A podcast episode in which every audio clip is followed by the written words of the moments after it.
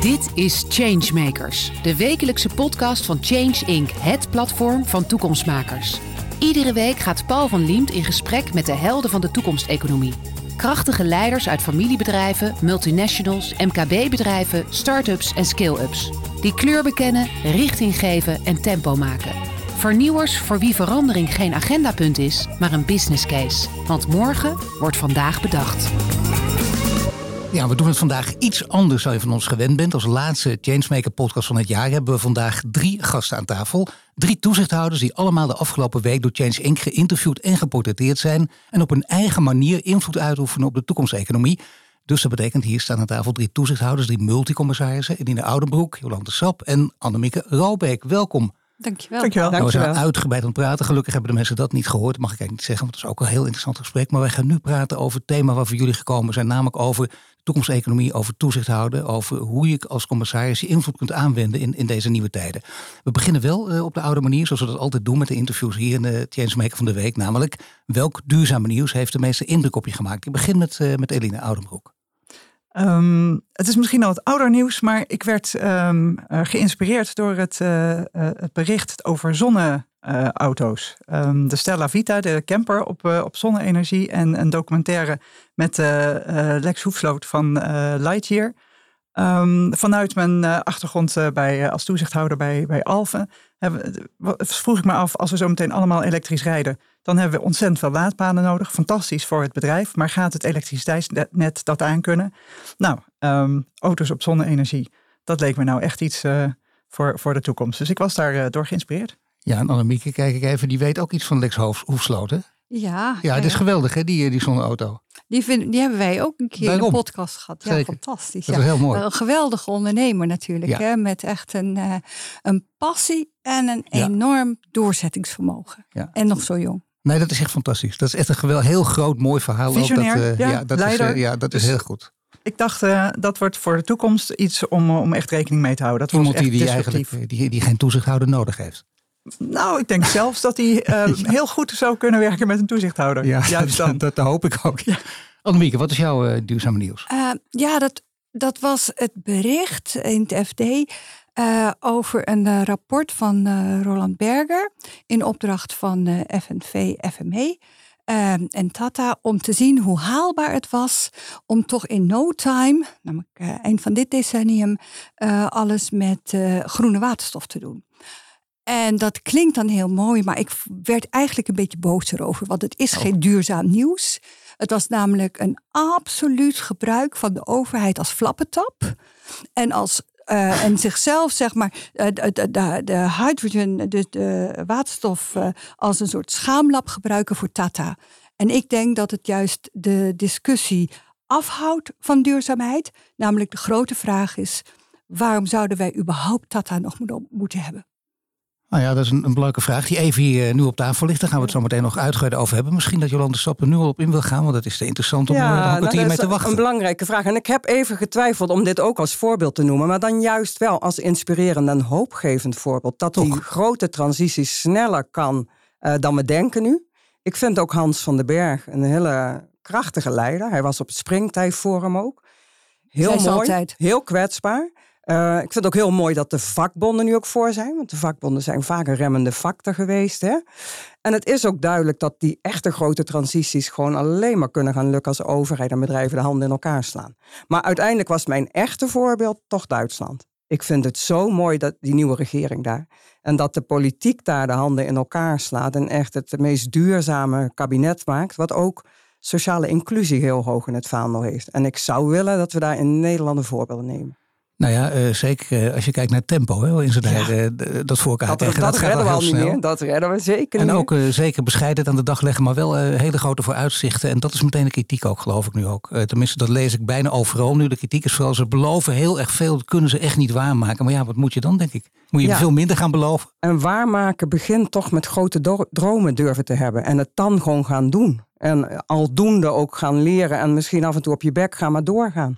En ik denk, we leven nu in een tijd dat het gewoon moet. We moeten gewoon groot dromen. En het gewoon echt met elkaar gaan realiseren. Nou, voordat we hierover verder praten, eh, nog één ding toch over Tata Steel. Ik heb ook een tijd geleden gesproken met de Benedict Fick. En dat is de advocaat, die gaat er keihard tegen in. Die heeft een heel andere positie. Die zit denk ik eerder, uh, Annemieke, dan uh, Nou, als je de rol van de volksgezondheid neemt als een grotere waarde op dit moment uh, dan de economische waarde met de enorme uitstoot. En Tata behoort tot de grootste uitstoters in ons land. dan zie je dat daar echt het beeld aan het kantelen is. Ja, nou vond ik uh, wel een interessante opmerking. Hans van den Berg kwetsbaar, dat leek het ook. Hè. Wie gaat er bijvoorbeeld in Yuzu zitten, geeft ook fouten toe. Uh, zelfs daar was Benedict Fick, uh, misschien vanuit haar positie als advocaat ook logisch, andere partij, maar ook nog heel kritisch op. En die zei ook, nou, zo kwetsbaar is het allemaal niet. Want hij heeft er wel heel lang gezeten, hij zit er nog steeds. En hij vertelt nog steeds te mooie verhalen en neemt niet echt, hij pakt niet door. Er is geen enkele duurzame innovatie bij Tata gerealiseerd zonder geld van de overheid. En dat betekent dat het bedrijf zelf geen intrinsieke motivatie heeft getoond in de afgelopen twintig jaar. Terwijl de volksgezondheidsrapporten er wel waren, door het RIVM gemaakt. Ik heb ze alle twintig uh, bestudeerd. Oh. Uh, ja, ja, so I know. Uh, maar pas in de laatste twee jaar is ook het RIVM gaan kantelen. Ja, nee, en daar zit natuurlijk een punt. Hè. En ik vind, ik ben het helemaal eens met Annemieke dat we de kritische discussie moeten voeren. Welke bedrijvigheid wil je wel of niet in Nederland hebben? Hè, die moet je echt voeren met elkaar. Groene maakindustrie is waanzinnig belangrijk. Maar maak die transformatie.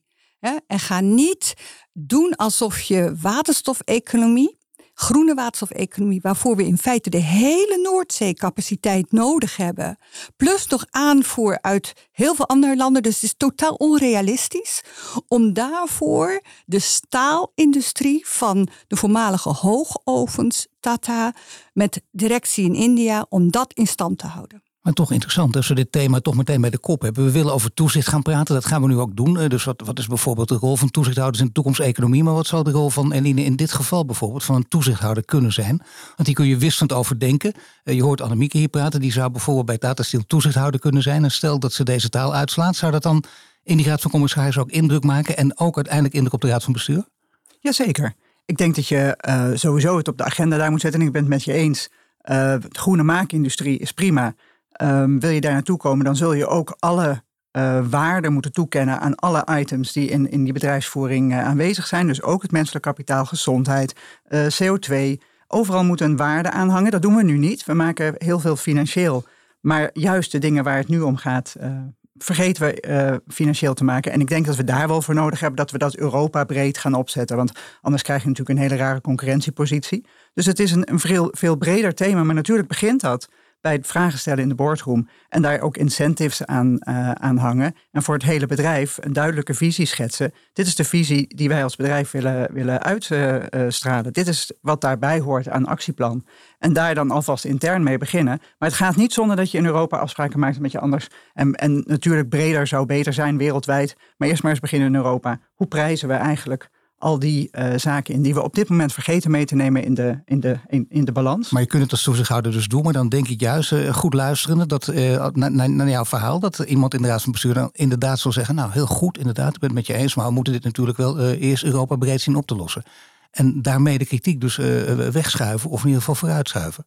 Nou nee, je, je kunt één, de verbinding zoeken in Europa en dat gebeurt al veel. Er zijn al veel programma's die, die zoeken naar een oplossing daar. Maar ik denk dat je intern in het bedrijf als uh, toezichthouders dat zeker op de agenda moet zetten. En je kunt alvast uh, zelf beginnen. Wat Annemiek net zegt, um, uh, je moet um, zelf intrinsiek ook gemotiveerd zijn. Je kunt niet zeggen, wij zijn een bedrijf met een buitenlandse moedermaatschappij, dus wij voldoen niet aan, aan de verwachtingen in Nederland. Bovendien denk ik dat de maatschappij steeds meer ook naast de commissaris komt staan en een aantal thema's op de agenda zet die je als commissaris ook niet meer kunt naast je neerleggen. En zeker in beursgenoteerde bedrijven merk je dat heel sterk. Dat, uh, je bent toezichthouder bij Alphen? Bij, bij Alphen. En ik uh, ben executive bij uh, Interface, bij de beursgenoteerde bedrijven. En daar merk je dat ook de maatschappij gewoon dwingt om dat op de agenda te zetten. En het is ook goed voor een bedrijf. Als je die voorsprong niet nu pakt, loop je zo meteen achter de wagen aan. Dat, is dan, dat wordt vaak genoemd. En ik geloof in een van jullie interviews komt het ook naar voren. De, de, de maatschappij als een soort externe commissaris. Ja, ik denk dat de maatschappij langzamerhand uh, in alles en op een vervelende manier soms ook zich mengt in, uh, in discussies. Maar hier vind ik het heel waardevol dat investeerders zeggen: wij willen in groen investeren.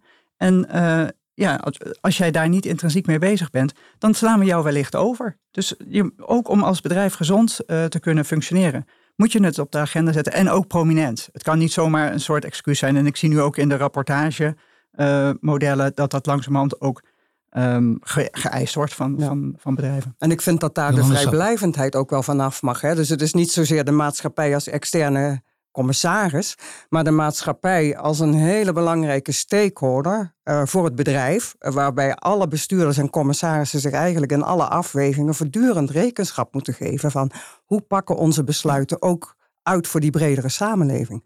En het hele interessante is, dit is, dit is echt ook een, een hele spannende discussie in het kader van de aanscherping van de Corporate Governance Code. Ik heb zelf met uh, een, een klein clubje commissarissen, wetenschappers. Ja, goed bestuur. Dat is, hè, er is een code voor goed bestuur. Die is richtinggevend voor de grote beursgenoteerde bedrijven, maar zijpelt ook door naar alle bedrijven daaronder. Die wordt weer geactualiseerd. En daar speelt dit, deze vraag hè, van moeten bestuurders en commissarissen ook expliciet op die maatschappelijke zorgplicht aangesproken kunnen worden, die speelt daar. En ik denk, je zou eigenlijk nog een stukje verder moeten gaan. Want het is eigenlijk heel raar dat dit nergens in het ondernemingsrecht als een open norm vast ligt. Maar het, ja, het is niet de maatschappij als commissaris. Het is gewoon echt een superbelangrijk aandachtspunt voor alle bestuurders en commissarissen. Waar ze zich rekenschap van moeten geven. Maar in de profielen zien we dat ook uh, steeds meer terug. Hè?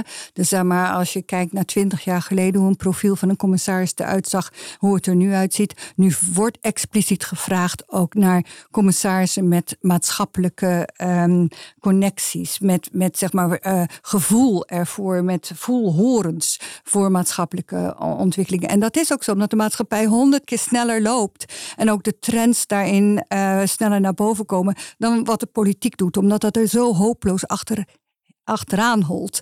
En, uh, en ook omdat commissarissen die gewoon veel meer verankerd zijn en, en netwerken hebben in die maatschappij, die kunnen ook originelere uh, zienswijze in een board brengen. En dat is weer van belang, omdat juist ook de executives. Hè, en Eline, dat is helemaal niet persoonlijk naar jou, hè, maar, uh, maar je hebt best ook executives. Dat mag best wel. Die, die soms toch in een kleinere bubbel zitten.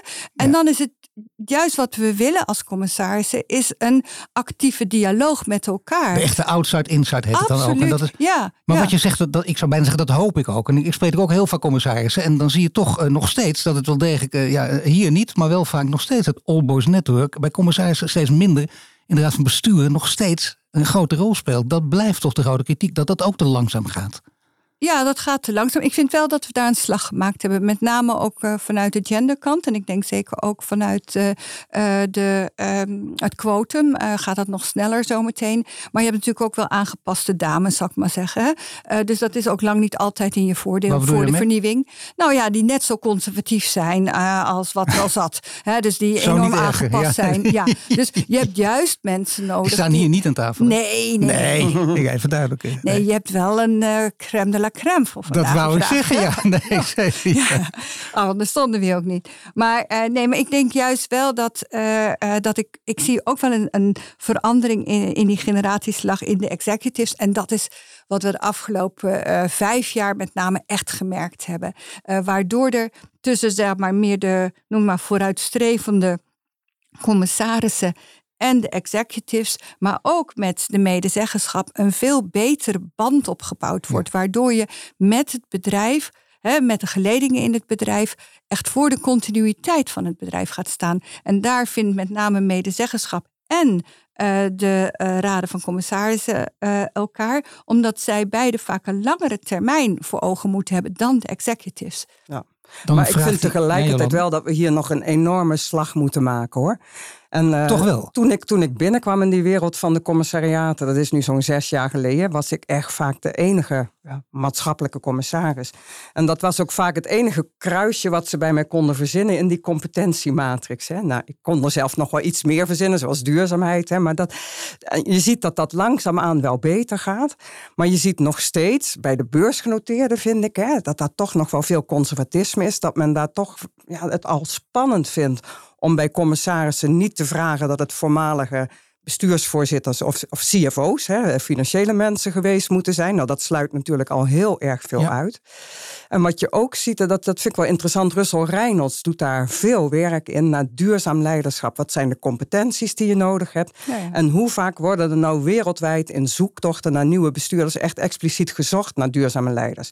Nou, gisteren presenteerden ze dat nog bij het jaarboek Corporate Governance. Elk jaar is er zo'n jaarboek. 4% van de searches wordt echt expliciet gezocht naar duurzame leiders. En dan bedoelen ze daarmee leiders die letten op alle stakeholders, hè, verbindend zijn.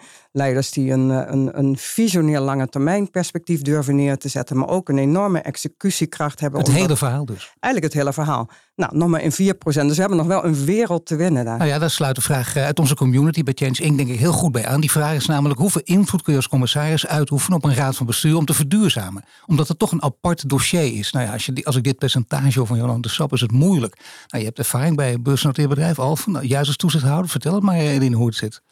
Nou, um, ik, Alphen is natuurlijk, uh, zit midden in de energietransitie. Dus dat staat ook wel uh, prominent op de agenda. Maar ik merk wel... Transformatorstations, um, laadpalen voor elektrische auto's. Dus maar even voor de duidelijkheid, dat exact, allemaal. Ja. ja. Dus uh, nou, die energietransitie staat op de agenda. We zijn daarmee bezig. We, we kennen de markt. We zijn ook um, voorlopers op veel gebieden. Dus wat dat betreft is dat stuk van duurzaamheid staat wel op de agenda. Maar er is natuurlijk veel meer uh, aan duurzaamheid. Inderdaad, hoe ga je uh, inclusiviteit in je organisatie uh, vormgeven?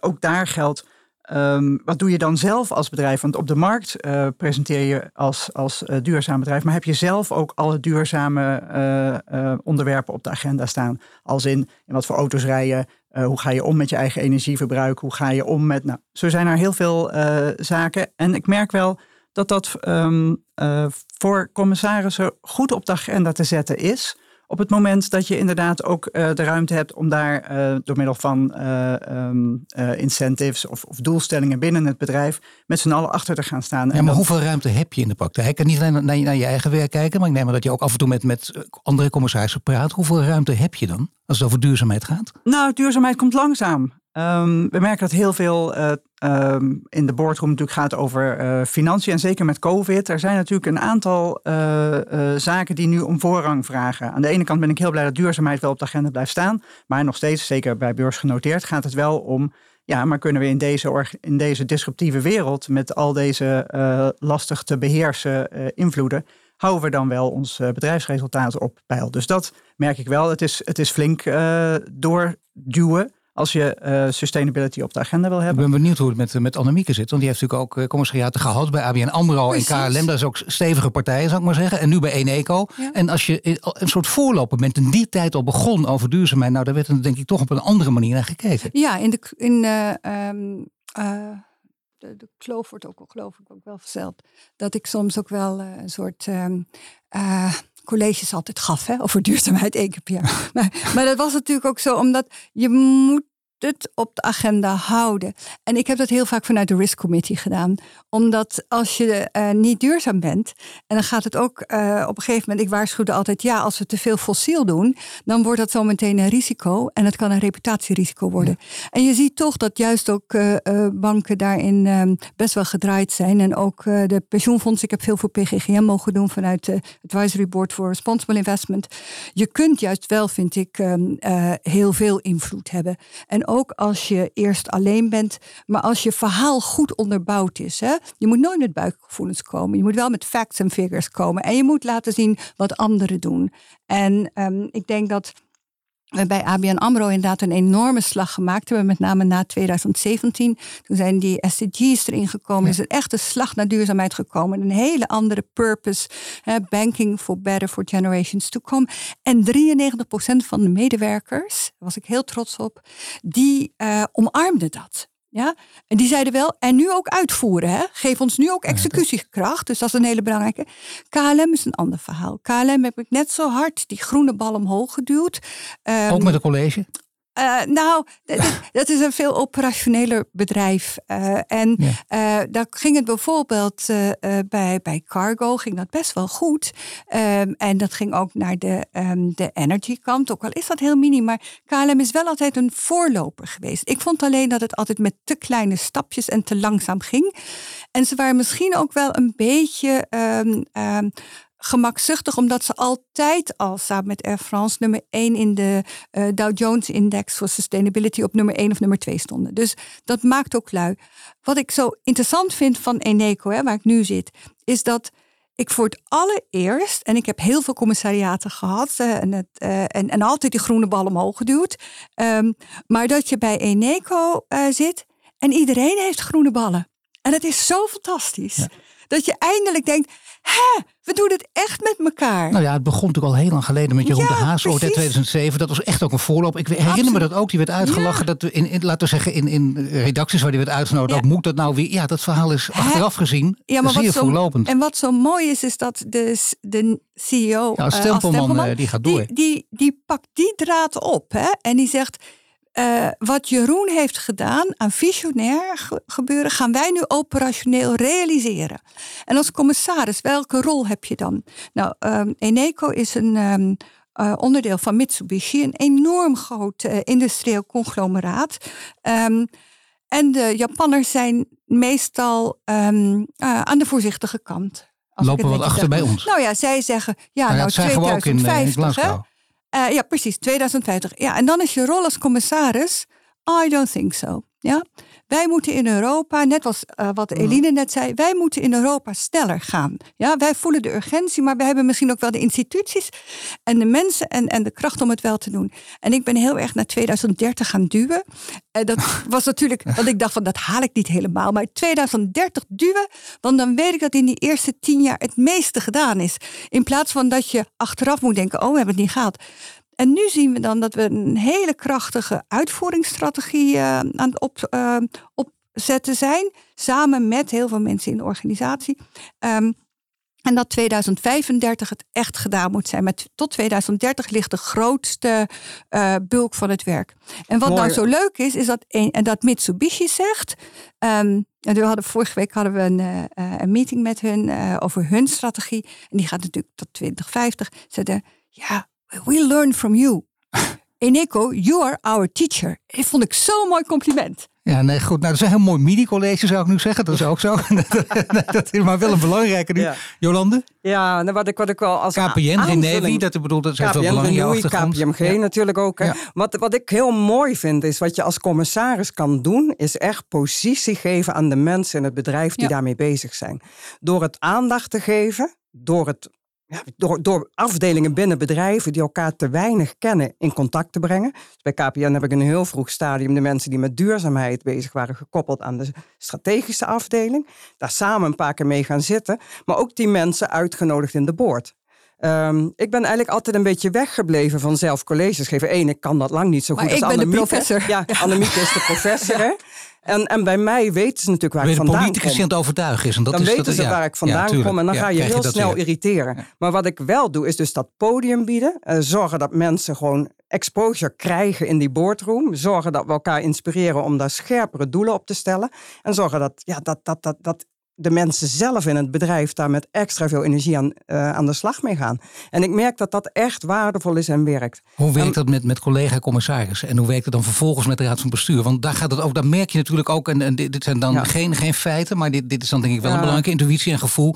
Dat merk je. Hoe gaat dat? Hoe Je- je serieus moet- wordt dat genomen? Ja, nou ja, het, het mooiste is als je het voor elkaar krijgt dat dit echt een gedeelde drive wordt. En wat daar ook, eh, wat, wat mijn ervaring daar- daarbij is, is dat het heel goed is om af en toe ook inspiratie van buiten in te vliegen. Bij KPN hebben we dat bijvoorbeeld gedaan. Thomas Rauw, die eigenlijk, eh, nou ja, gewoon KPN eens eventjes de spiegel voorhield van wat er allemaal nog meer mogelijk was.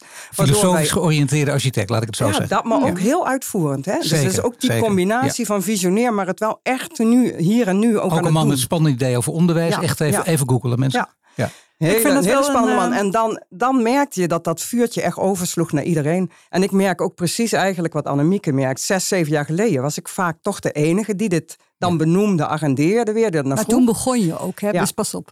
Ja, nee, Ja, maar toen is, waren er ja. geen collega's die het benoemden. Nou, en nee, niet in mijn board. Oké. Ja.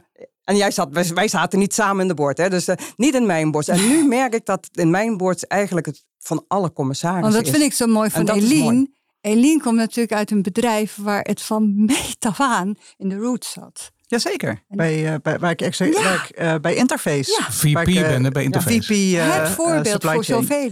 Ja. Zeker. Er is net een, eh, een film over Interface, een documentaire uitgebracht. eh, Beyond Zero.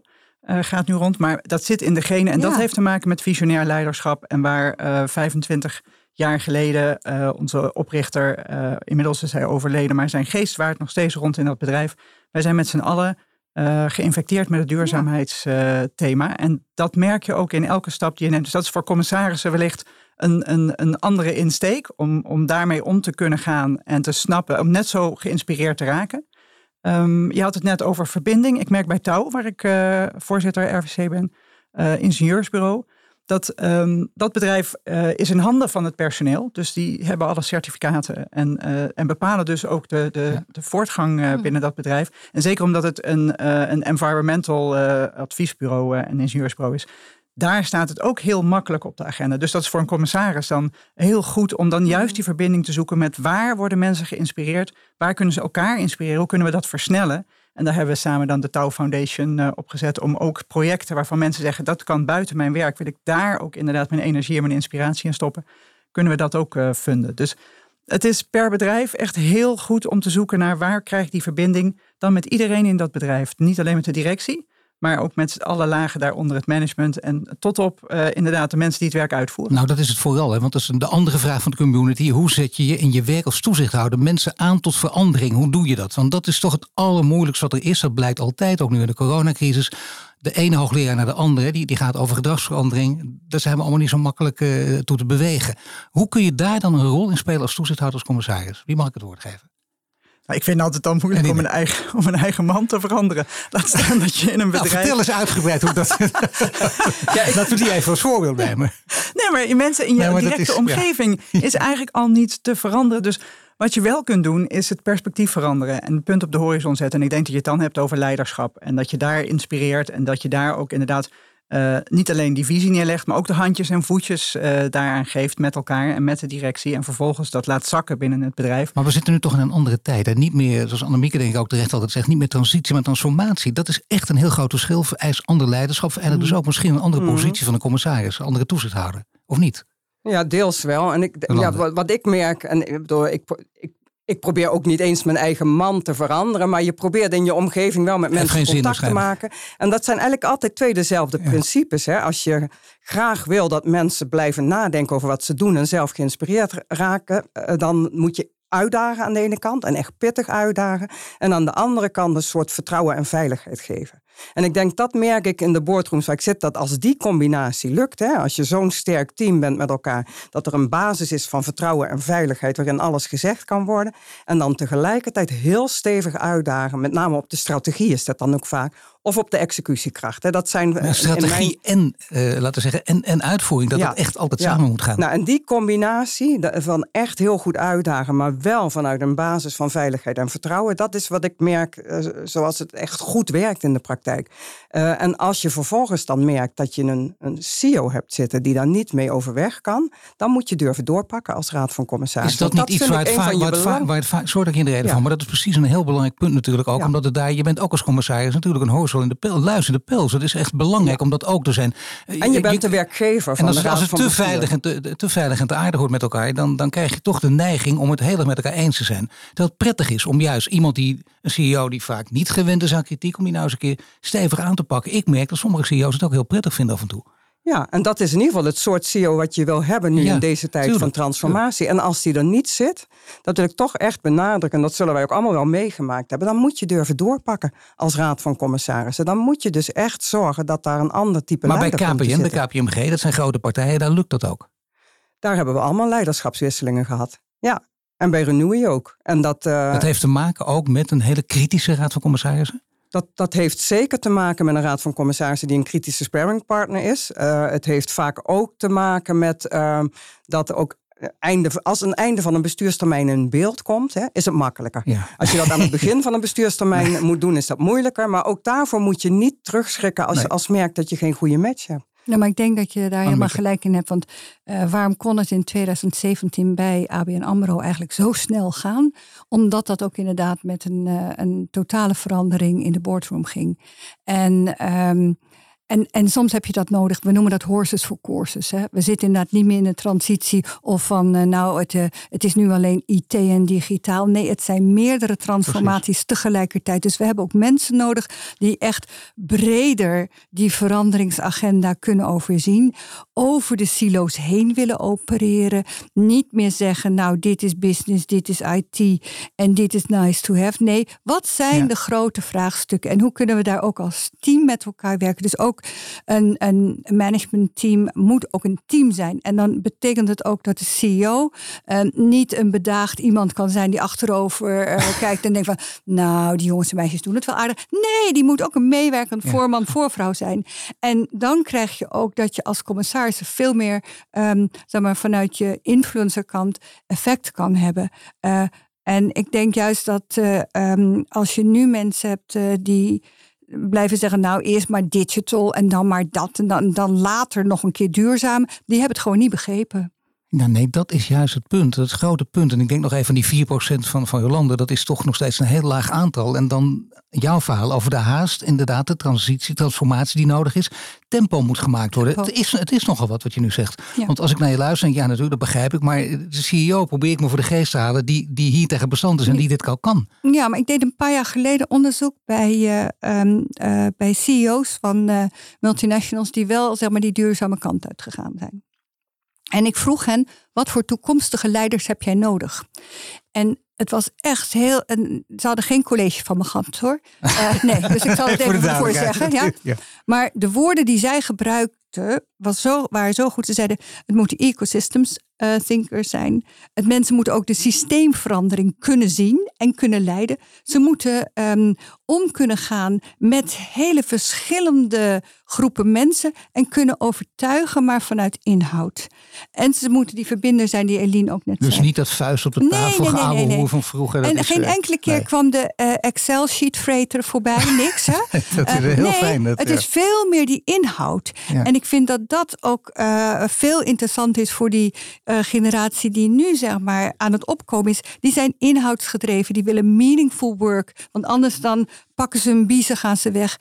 En heel veel veranderingen in de boardroom zijn ook uh, nodig, omdat we echt andere mensen nodig hebben. Ja, andere mensen. Er komen meteen een aantal vragen die, die jullie in, in die uitgebreide interviews en, en portretten van jullie verschenen zijn in Change Inc. En een van die vragen sluit die mooi bij aan voor Jolande Sap. Namelijk, Jij vindt dat jongeren meer gehoord moeten worden in de bestuurskamer. Dat zeg je een paar keer in verschillende bewoordingen.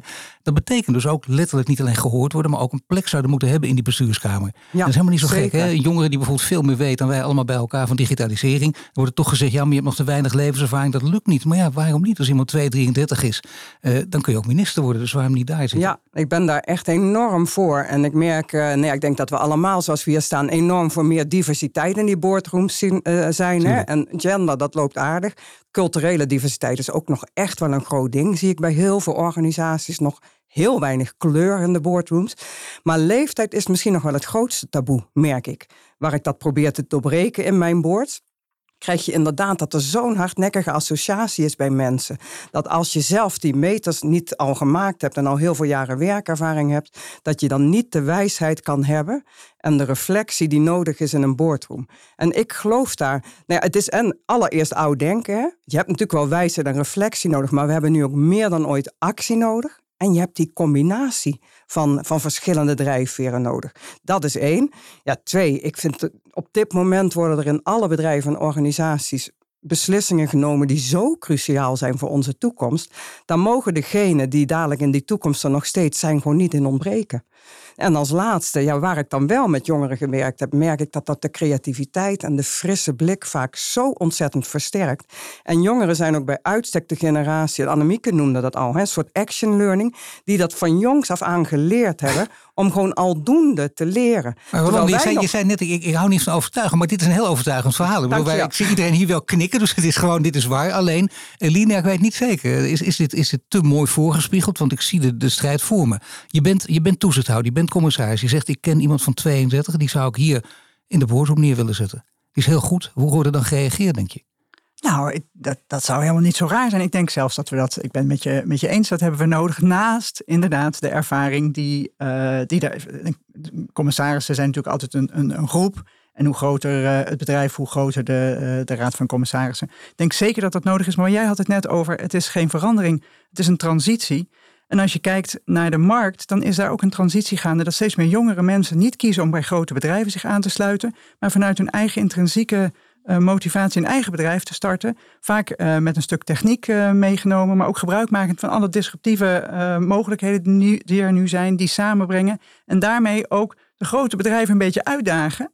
En ik denk als je zo iemand die, die zo'n ervaring meebrengt in je uh, RVC neerzet, dat zeker de, de, de gevestigde orde die daar zit heel veel kan leren en, en die transitie wellicht sneller kan maken dan wanneer je dat doet met mensen die de ervaring hebben die we al zo lang met ons meenemen. En dan heb je misschien ook minder last van reputatieschade, want dat is misschien ook wel een onderdeel van het oude denken. Om door zo te denken, we zijn oh, dus last van je reputatie, draait dus om. Misschien is het goed voor je reputatie als je fouten maakt. Dat kan. Nou ja, wat Annemiek net zei, um, als je het benadert vanuit risk, dan kun je inderdaad kijken wat gebeurt er uh, wat is het ergste wat ons kan overkomen in de toekomst? Nou, dan, dan heb je je disruptieve scenario en daar dan weer terug op redenerend. Welke mensen zouden ons kunnen helpen om zo meteen in die toekomst toch uh, op het juiste punt uit te komen? En zeker op het gebied van duurzaamheid. Je ziet zoveel jongeren, merk ik ook, dat zullen jullie ongetwijfeld ook zien, met en hele enorme dossierkennis. Mensen van 25 met waanzinnige dossierkennis en heel veel kennis op digitaal gebied. Dan heb je toch een hele mooie en combinatie. power. Dat zijn niet de mensen die beleid hebben gemaakt. Dat zijn mensen die zelf geleefd hebben en geprobeerd hebben om hun eigen bedrijf te starten of ergens een verbinding te leggen. Als je die aan de, uh, aan de tafel krijgt, en daarmee over duurzaamheid in die bedrijven spreekt. Ik denk dat je jezelf daar een heel groot plezier mee doet. Dan moet je wel weten waar je over praat. Hè? Uh, Line, dat is toevallig ook net een van jouw vragen... die jij uh, ook in een van de interviews en portretten bij Change Inc. zelf uh, stelt. Je zegt, en, en de stelling ook die je, die je poneert... je hekelt het gebrek aan definitie. Ik citeer letterlijk, ik citeer bedoel ik. Ja, ja, je ja. hekelt het gebrek aan definitie als het om duurzaamheid gaat. Wat bedoel je daar precies mee? Nou, dat klopt. We hebben binnen, binnen um, Interfaces nu een productiebedrijf... en wij hebben ons heel erg gericht op hoe krijg je nou um, werkelijk uh, op tafel wat je progressie is op die duurzaamheid. En daar heb je EPD's voor. Dat zijn uh, um, uh, Environmental Production Declarations. En wat je daarmee aangeeft is in verschillende procedures, verschillende stappen in je productieproces, hoe duurzaam je werkelijk bent. En ik zie heel vaak dat mensen duurzaamheid claimen, maar daaronder zit dan, en ik ben een, ik ben een engineer, ja. er zit dan geen model of geen analyse in. Waar ben je gestart? Waar ga je naartoe? Waar ga je zo meteen uitkomen? Wat heb je daarvoor nodig? Facts and figures ook, waar Annemiek het over figures. Dus ja. duurzaamheid is ook maar weer zo'n containerbegrip waar ik heel vaak mis. Wat is dan precies wat je wil doen en wat je wil bereiken en op welk thema? En ja, de, dan wordt het een, een containerbegrip en dan is het iets, uh, ja, je hoort er iets van te vinden. Maar je kunt het niet onderbouwen met inderdaad die facts en figures. Maar dit kun je als toezichthouder ook echt onder de neus schrijven, tenminste van, Zeker. van de Raad van Bestuur. Ja, en dat je dus niet aan greenwashing uh, aan doen bent, maar dat je werkelijk uh, een plan hebt. En dan kom je weer op dat execution power. Als je dan mensen wilt inspireren in, je, in het bedrijf en je wilt als commissaris invloed uitoefenen, dan kun je op basis daarvan mensen vragen om onderdeel te zijn van dat, van dat uitvoeringsplan. Maar daarom dus toch altijd de, de, de juiste professionele afstand houden. Want je kunt ook denken, we zitten heerlijk met elkaar als commissaris en raad van bestuur. En uiteindelijk kunnen we elkaar tof vinden. We brengen het nooit naar buiten, maar we gaan lekker een beetje greenwashen. Ik probeer het even zo kritisch mogelijk en vervelend mogelijk neer te zetten. Dat kan niet als je de goede afstand houdt. Dat doen jullie altijd, altijd professionele afstand in acht nemen. Of is dat, kun je dat ook doorbreken? En hoeft dat ja, niet? dat hoeft kan je dat doorbreken. Juist, ik, ben, ik, ik vind het zo'n ouderwets beeld uh, dat de commissaris altijd alleen maar met de handen op de rug en de neus in de tent mag zitten. Uh, zo heb ik het op INSEAD geleerd. Hè. Ik vond het onzin. En zeker wanneer je een verbindende, geëngageerde commissaris zelf bent, dan. Um, dan moet je juist die linken maken. Maar je moet het heel transparant doen. Dus je voorzitter moet dat weten of je collega's moet weten. Maar ook de executives. En ik zie dat bijvoorbeeld bij Eneco. Dat ik voor heel veel dingen gevraagd word. Maar dat was ook al bij KLM of bij ABN AMRO zo van... Uh, uh, ik, ik ga van de week nog, eergisteren, voor ABN AMRO bijvoorbeeld nog... Uh, en had ik, hadden we een workshop over engaged leadership bijvoorbeeld. Hè? En de vraag zie je wel. Ja. En dat vind ik juist zo leuk. Omdat ze weten van met Annemiek kunnen we praten. Kunnen we heel benaderbaar, horizontaal onze dingen op tafel leggen. En we krijgen nieuwe ideeën. En we, we, we komen er allemaal sterker uit. En dat bijvoorbeeld bij zo'n hoofd HR van, uh, um, uh, van Eneco. Um, dat zo'n Jeroen mij dan belt. Is Annemiek, ik zit hiermee met een. Het is een vraagstuk over um, inclusie en diversiteit. We hebben fantastisch leuke jonge mensen hiervoor. Kan jij met hen een, een, aan de gang? En ik vind het juist zo goed dat we in het moderne commissariaat niet meer zeggen: oh, kijk, hier is de demarcatielijn, hier mag ik niet overheen. Nee, als je gevraagd wordt en het is in consent met, dan gebruiken we allemaal onze kracht en kennis en, en kundes, juist om voor de continuïteit van het bedrijf Nou ja, te misschien is dat wel een van de allergrootste doorbraken. Dat is in zekere zin waar Jolande het over had met die veiligheid. En toch staat het vaak op gespannen voet. Want hoe veilig is het? Ga je al- voortdurend met elkaar ook eh, eh, op vakantie eh, tripjes maken? Weet ik wat. Het kan ook, de, de lijn kan ook te... te, te- Nee. eh, Nee. Dat, dat kan Nee, je. dat nee, zeker niet. nee, dat doe je echt niet. Maar wat je wel doet als het goed is, is dat je gewoon goed begrijpt wat de ander als professional drijft. En waar die echt warm voor wordt. En waar zijn kwetsbaarheden zitten, waar de zwakke punten zitten. Zodat je gewoon met elkaar ook weet in zo'n team, hè, waar, waar je dit dan samen mee doet.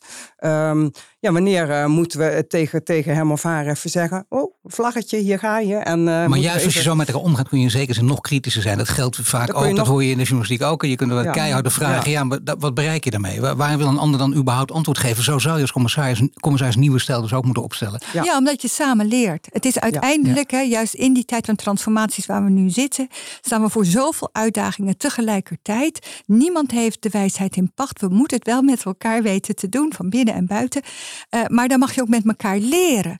En juist met elkaar de vragen stellen, maar ook de hulpvraag stellen van eh, help me erbij. Ja. Want jij hebt ook bij die en die bedrijven gekeken. Kan je dit en dit doen? En ik heb nog een vraag eh, voor jou, eh Annemieke. Ook weer uit de interviews. De grootste fout, die, dit zei je letterlijk ook. De grootste fout die bedrijven kunnen begaan. is alles weer in centen uitdrukken. Want duurzaamheid is een waarde. Waar we eigenlijk de discussie mee begonnen. Ja. En dat is toch een, een hele mooie, maar ook een hele moeilijke. Omdat hier altijd weer. want we hebben het steeds nog over oude en nieuwe school. maar de- we, hebben, we zitten nog steeds opgeschreven met veel oude school. En die kunnen makkelijk in die reflex terugkomen. Ach, hou op met je waarde. Uiteindelijk komt het hierop neer. En dan zie ik ze knikken allemaal. Ja, ja, ja, ja, toch. Hoe gaat dat nu? Hoe kun je dit echt als commissaris op de voorlinie zetten? Ja, ik denk dat dat eh, eh, heel goed kan. Ik kan hem vanuit Eneco nemen, maar eh, eigenlijk ook wel vanuit alle andere bedrijven. Energie is een waarde, is een gevoel geworden. En het gaat er niet meer om ehm, hoeveel eh, cent het per kilowatt is, maar wat die energie is en hoe die tot stand gekomen is. En is dat proces goed gegaan? En, en als de waarden kloppen, dan is ook de consument, de eindgebruiker, heel tevreden. Eh, maar als jij het niet meer transparant kan maken, en ik denk dat eh, er was van de week een, eh, een, een hele goede eh, uitzending op de tv over soja. Dat eh, je hebt dus certificaten en Nederlandse veevoerbedrijven pretenderen dat wij ook, hoe heet het, eh, dat wij soja hebben waarvoor geen bossen eh, eh, neergekapt zijn en dat het niet waar is. En bij dit soort dingen, als het gefalsificeerd kan worden, dan ga je nat. En ik denk dat we juist het omgekeerde, we moeten valideren. Dat vind ik zo knap van, van, van jouw bedrijf, Eline. Ehm, als je ziet hoe jullie van meet af aan de, ehm, de valorisatie en die validatie in die open gedaan hebben, in communities, op. Jullie zijn er op duizenden zaaltjes kwamen jullie met al je mensen om maar het verhaal te vertellen. En dan denk je, het kan, het kan, Ja. weet je, het kan en het is transparant. En ik denk dus dat dat ook die waarde is, want dat greenwashen waar je het net over had, ja, dat, dat is dus het omgekeerde. En dat, dat prikt de maatschappij zo door. Een Shell is greenwashen. Daar wil niemand mee werken. Ja, dus de maatschappij staat aan de goede kant, zou je nu eh, Ja. mogen concluderen uiteindelijk ook. Zeker voor dit verhaal. Ja. Dan eh, nog één ding voor jullie eigenlijk allemaal. Hè. Jullie, we horen hier de gedrevenheid uit dit gesprek, spatten van alle kanten. Je bent eh, commissaris in veel gevallen, af en toe ook bestuurder. Maar zou je niet zelf dus gewoon op die plek willen zitten? Als je, als je er zo sterk mee bezig bent, bijvoorbeeld Jolande. Dat je denkt, nou ja, dit is, dit is zo geweldig, commissaris, mooi. Maar ik wil eigenlijk ik wil gewoon CEO worden in dit bedrijf. Nou, ik zou liegen als ik zou zeggen, het kriebelt nooit. Maar wat het grote voordeel is van eh, die verschillende rollen die ik nu heb als bestuurder en commissaris, is dat ik gewoon in heel veel verschil, op heel veel verschillende plekken anderen kan aanmoedigen om gewoon echt een grotere bijdrage En te leveren. invloedrijker dan als fractievoorzitter van een politieke partij? Het voelt in ieder geval veel vrijer. Dat vind ik ook heel Dat- dat prettig. snap ik, ja. En ik denk dat je op een bredere schaal impact kan maken. Dus voor mij is dit een hele prettige. En ik denk ook dat het de komende jaren alleen nog maar zal toe gaan nemen. Omdat wij als, als commissarissen met een enorme passie voor duurzaamheid. Ja, geholpen gaan worden door die Europese regelgeving. Doordat er veel meer gerapporteerd zal gaan moeten worden over duurzaamheid als waarde. Over alle niet-financiële informatie. Dus overal komt het op tafel te liggen. En meer tempo kunnen maken dus dan in de politiek. Dat is natuurlijk wel heel erg mooi. En dat sluit aan bij Annemieke die dat ook heel graag wil. En daarin misschien toch ook wel als CEO ooit nog eens een keertje. Ik heb twee bedrijven hè, en ik heb er meer gehad. Dus ik, ik weet ook hoe het is om dat te doen. Ja, maar ik heb het nu Eh, over KLM bijvoorbeeld. Nee, maar dat heb ik nooit AMRO. gewild. Nooit gewild. Nee, want ik denk dat juist eh, je daar de pet van de ultimate influencer hebt en de verantwoordelijke. Ehm, terwijl uh, het wel goed is dat je ook als ondernemer weet wat die ander beweegt.